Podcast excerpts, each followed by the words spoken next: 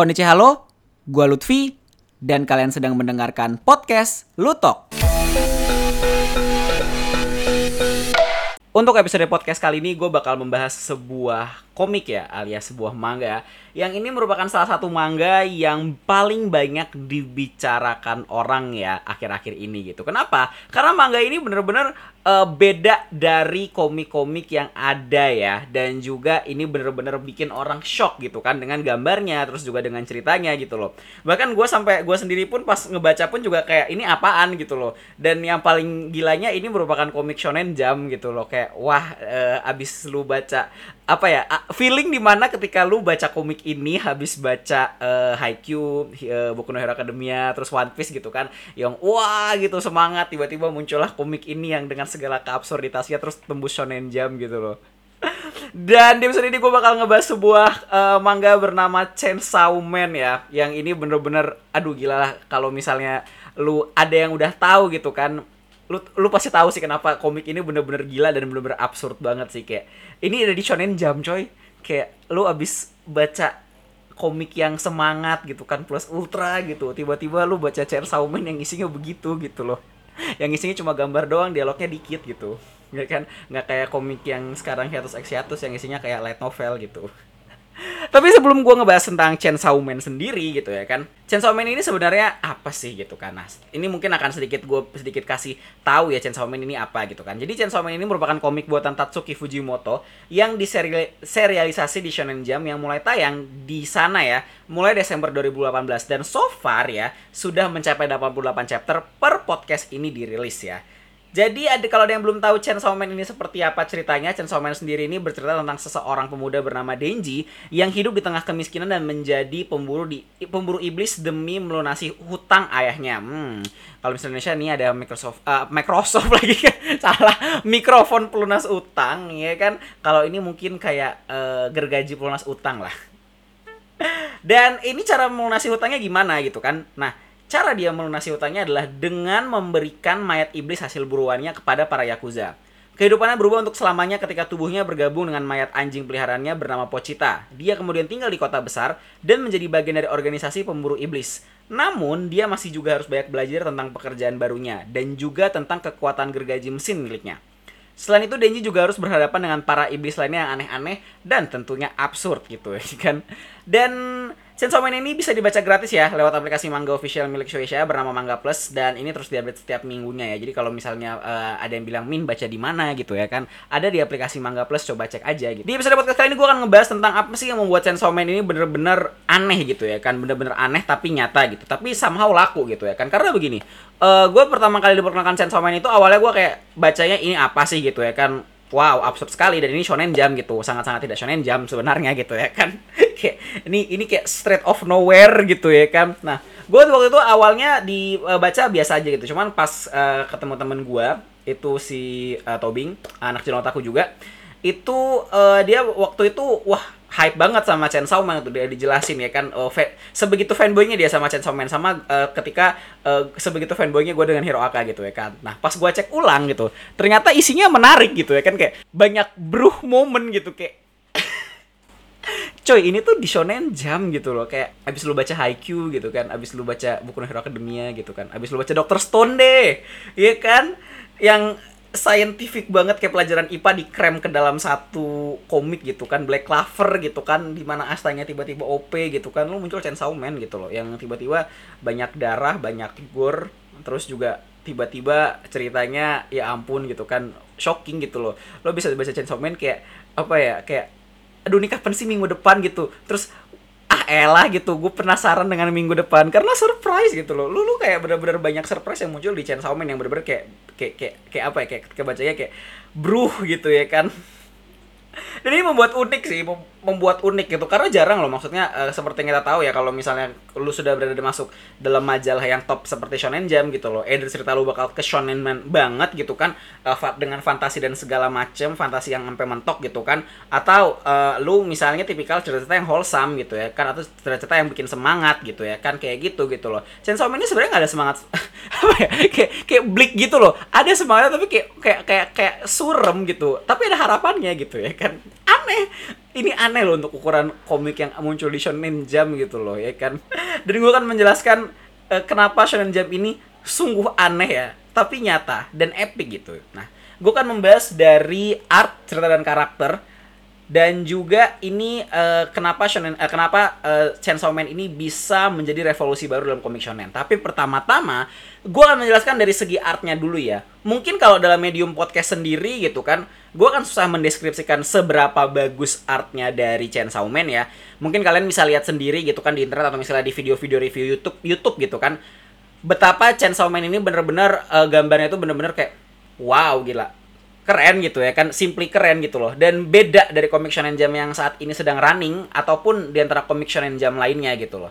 Karena Chainsaw Man ini banyak adegan gore dan darah muncrat di mana-mana coy. Kalau uh, lo pikir komik yang paling violent sekarang itu di Shonen Jam adalah Hiroaka karena isinya banyak yang begitu gitu kan? Banyak darah karena melawan uh, arc terbaru uh, maksudnya melawan uh, villain gitu ya kan? Ya ini literally setiap episode moncrot gitu kayak bener kayak kayak kayak, kayak sama kayak kemarin Yakusoku no Neverland yang sebelum tamat gitu sama aja gitu. Cuman kalau Yakusoku no Neverland kan darahnya kan nggak muncul tiap minggu gitu. Ini kayak hampir tiap minggu tuh ada gitu ya kan banyak adegan gornya gitu ya kan. Tapi gornya nggak sampai uh, kepala hilang atau apa ya gor-gor standar sih sebenarnya. Cuma masih ada gitu ya. selain itu juga sebenarnya Chainsaw Man juga banyak adegan sensual ya. Karena apa ya aneh juga gitu. Udah gore sensual dan juga banyak darah gitu. Kayak kayak lu abis baca Iya tadi gitu loh. Strange feeling ketika lu baca ini terus uh, halaman berikutnya muncullah uh, Dr. Stone. Kayak jomplang gitu loh. Ya kalau Hiroka masih mending lah mungkin ada berantem ada berantemnya terus uh, muncul darahnya gitu. Tapi abis lu baca berikutnya terus lu bacanya Dr. Stone. Baca berikutnya Black Clover. Timpang ya Allah. Namun art dari Chainsaw Man sendiri ini cocok dengan tema yang dibawakan dari komik ini yaitu bagaimana manusia berhadapan dengan basic needs uh, manusia yang akan dibahas nanti di bagian cerita cerita ya. Karena ini menyangkut ke tema besar dari Chainsaw Man itu sendiri gitu ya kan. Dan art yang ditawarkan oleh Chainsaw Man sendiri ini kalau lu kalau lu uh, baca ya ini absurd ya. Dan ukuran shonen jam ini gini loh kebanyakan ya kebanyakan itu karakter uh, komik-komik shonen gitu kan. Itu kan biasanya banyak dialog tuh ya kan. Banyak dialog dan info-info tidak penting gitu ya kan. Seperti uh, Hunter x Hunter, Death Note gitu ya kan. Yang dialognya wow gitu loh. Membuat membuat otak saya harus berpikir ekstra gitu ya kan. Dan apa? Hachimaru yang kemarin di X yang yang gue bilang di podcast gue sebelumnya itu lebih berat daripada uh, baca buku bisnis coy baca Hachimaru sendiri gitu ya kan.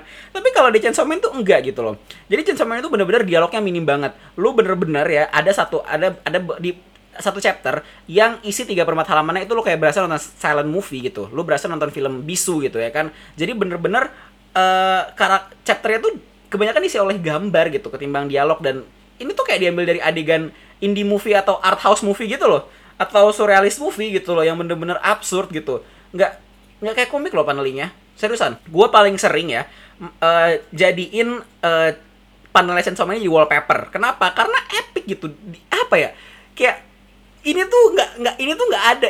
Ini tuh jarang loh dibawakan di medium komik loh. Apalagi komik Jepang yang emang nggak Jepang ya itu sangat jarang ya kan kalau mis uh, apa ya? Ketika lu membaca sebuah komik malah lebih bagus lu baca digital.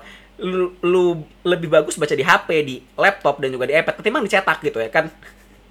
Lucu gitu karena uh, adegan dia tuh kalau misalnya Chainsaw Man ya landscape gambarnya landscape bener-bener landscape gitu ya kan. Nggak kepotong gitu loh atau nggak ada yang kelihatan kayak oh ini gambarnya dipot bisa dipotong nih. Enggak gitu loh. Banyak adegan lu tuh harus baca bener-bener uh, bacanya tuh bener-bener satu halaman full gitu. Nggak boleh nggak boleh nggak boleh kepotong gitu. Kan kalau misalnya dibuka dari ada jilidnya kan kayak kepotong. Ini nggak bisa gitu loh.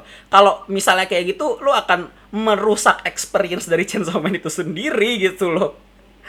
Tapi meskipun artnya ini bener-bener mendobrak pakem shonen ya. Tapi sebenarnya ini tuh kondisinya masih shonen gitu loh.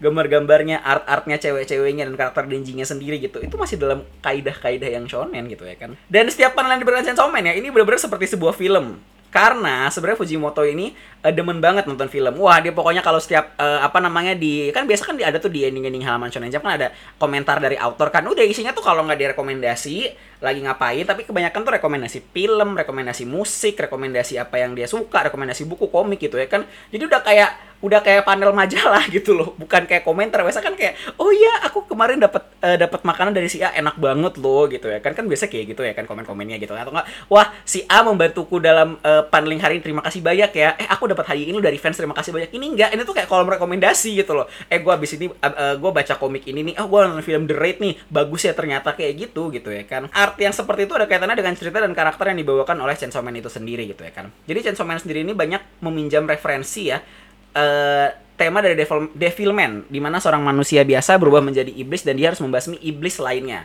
Beberapa unsur gore dari Devilman seolah hidup kembali di Chainsaw Man. Tema perang iblis di dalam kehidupan modern kayak udah sering dibawakan kan. Cuman kalau misalnya ini terasa beda aja gitu ya kan. Bedanya di mana? Nah, bedanya ini uh, dengan apa yang dengan apa yang komik yang sudah ada ini bakal uh, gua bahas gitu. Jadi uh, kalau misal lo tahu ya ketika Demon Slayer lainnya gitu, ya termasuk uh, Demon Slayer yang gua maksud adalah termasuk Demon Slayer yang isinya ada Suyoku, Nareru, uh, Boku Susume, mm -mm, uh, Kimetsu no Yaiba ya anime yang uh, anime favorit of the decade, best of the decade, mm -mm, mm -mm, ya ya ya ya kan itu kan terkesan kayak glamor wah harus pakai pedang harus pakai jurus A B C D E F G gitu kan dengan animasi yang wah gitu ya kan dan banyak latarnya yang wah fancy gitu kan. Ini enggak gitu ya kan.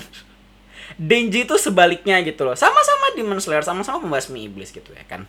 Jadi lucunya adalah Denji adalah personifikasi dari manusia yang hidupnya udah susah. Udah susah miskin lagi kan itu udah udah udah udah udah paling mentok-mentoknya kehidupan gak enak tuh di zaman sekarang tuh udah susah miskin lagi kan dan hal ini jarang muncul di komik Shonen Jump terutama ya. Jangan kan Shonen Jump di komik aja jarang gitu ya kan kayak gitu kayak kayak, kayak karakternya udah benar-benar susah terus miskin tapi dalam kondisi uh, komik di area shonen gitu loh. Jarang loh ya kan. Jarang banget gitu loh. Karena biasanya nih karakternya udah mempunyai dasar atau privilege lah sebelum cerita dimulai gitu ya kan. Contoh gini deh ya kan uh, Hinata Haikyuu sekolah. Uh, Midoriya lah sekolah. Ansatsu, Slam Dunk bersekolah gitu kan. Naruto berada di hidup senior apa uh, di bawahan asuhan seniornya atau orang-orang di desanya lah meskipun dia dibuang gitu ya kan.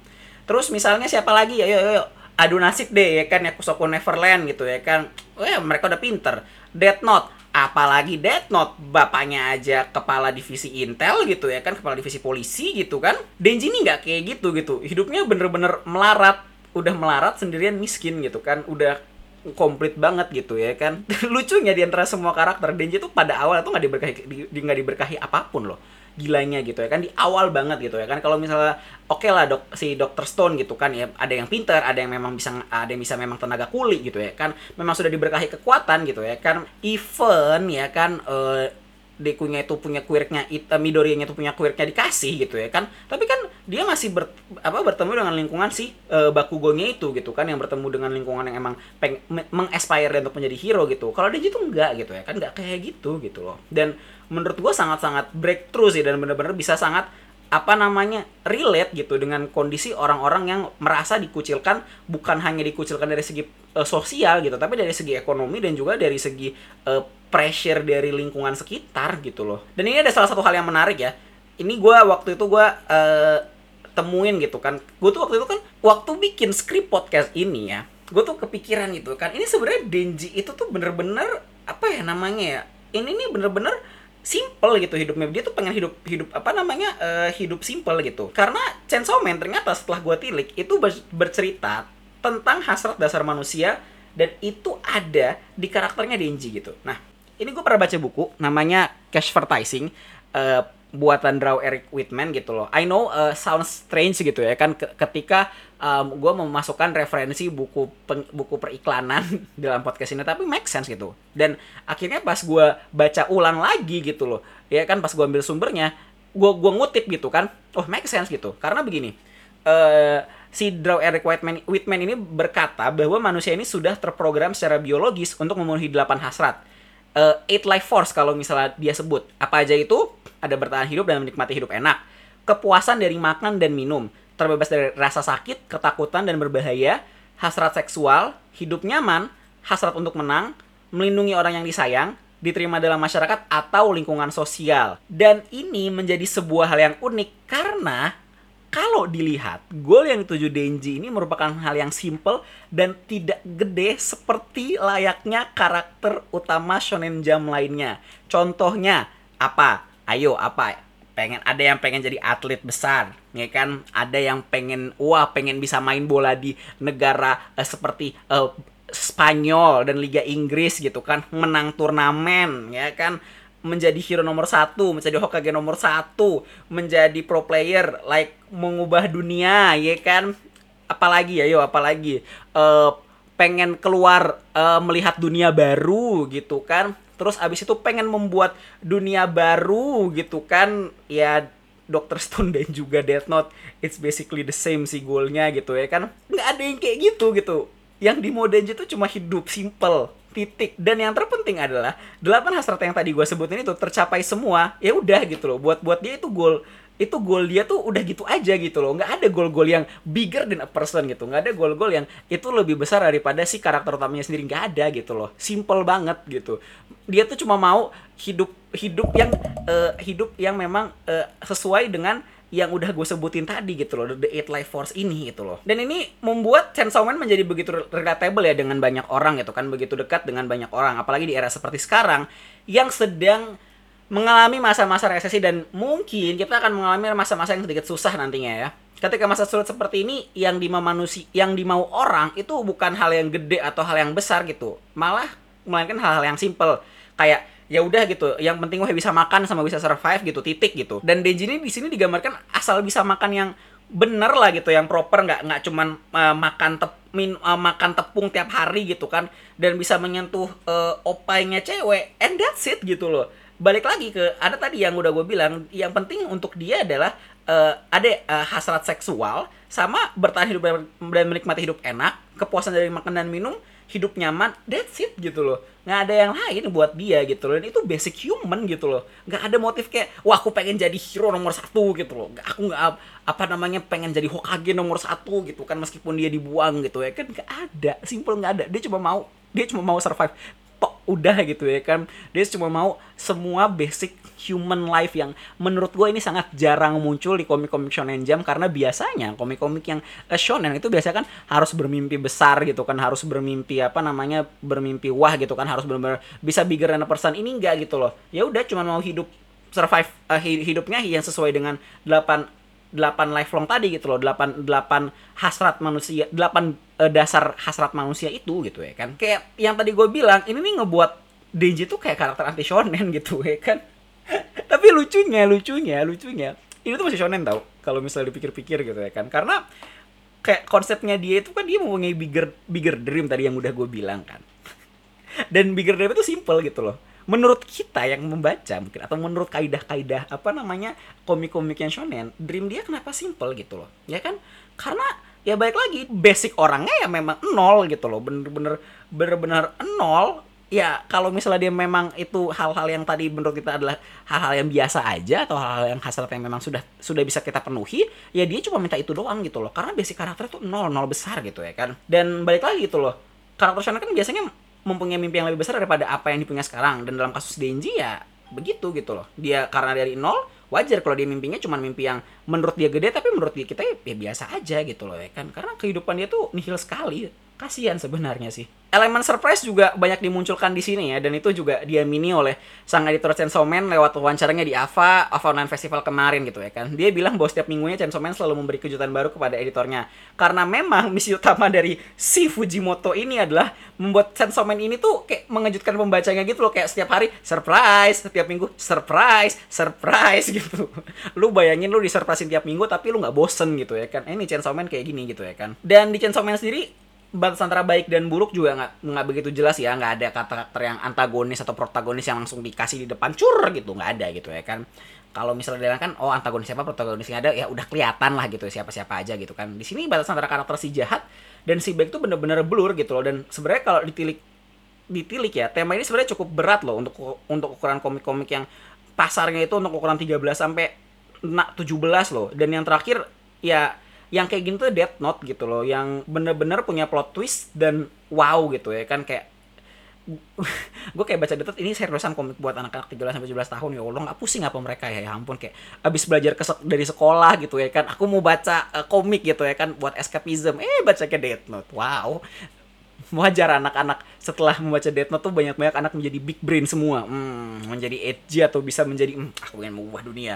Aku ingin punya Death Note sendiri gitu ya kan. Terakhir gue akan membahas kenapa sih Chainsaw Man ini ini merupakan hal yang beda ya, beda dari komik shonen sebelumnya gitu kan. Dan bisa menjadi salah satu revolusi baru dalam uh, genre shonen itu sendiri gitu ya kan. Bukan hanya untuk shonen jam doang tapi untuk uh, genre shonen kebanyakan nantinya. Yang pertama adalah Chainsaw Man jauh lebih populer di kalangan internasional ketimbang domestik. Nah, ini yang lucu nih ya kan. Dan membuat shonen jam ke depannya akan lebih memikirkan konten yang tidak hanya appeal di market Jepang tapi juga market global. Dan hal ini akan menjadi seru nantinya jadi apakah cerita anti shonen ke depannya akan semakin baik atau tidak, ya itu bisa dilihat nanti gitu ya kan. Uh, setelah Chainsaw Man ini uh, hype atau dirilis gitu ya kan. Apakah ini bisa, apakah penjualannya mungkin tidak terlalu banyak, tapi bisa menimbulkan hype baru, bisa jadi gitu. Kita nggak ada yang tahu gitu loh ya kan. Lalu ini tuh bisa bakal menjadi trendsetter di kalangan komik shonen untuk membuat karakter anti shonen dan bisa menjadi arahan baru shonen jam dan komik shonen lainnya. Mengingat ya kondisi dunia ini kan ya nggak mas ya masuk dalam masa-masa susah ya kan dan ibarat kata kan banyak banget nilai-nilai yang kayak orang-orang yang uh, pesimistik gitu kan di kala-kala masa-masa resesi ini gitu uh, kala-kala masa resesi ini gitu ya kan sehingga nantinya kalau misalnya uh, Chainsaw Man ini bisa menjadi uh, zeitgeist ya atau bisa menjadi benar-benar sebuah hal yang baru uh, cultural phenomenon ya uh, uh, fenomena kultur gitu kan fenomena fenomena budaya atau fenomena di kalangan pembaca gitu ya kan bukan bukan hanya cuman oh laku gitu ya kan oh rame gitu kan tapi memang bisa menjadi uh, fenomena yang baru gitu ya kan. Uh, berarti nanti Shonen Jump sendiri bukan hanya cerita yang imajinatif yang cuma bisa dream doang gitu ya kan dan seolah-olah kayak jauh dari reality gitu ya kan kayak misalnya apa ya kalau menurut gue yang shonen jump yang paling dekat sama realita itu emang emang emang pure hero akato gitu ya kan yang yang yang fantasi tapi nggak fantasi banget. Tapi itu still fantasi dan nilai fantasinya masih gede banget gitu ya kan.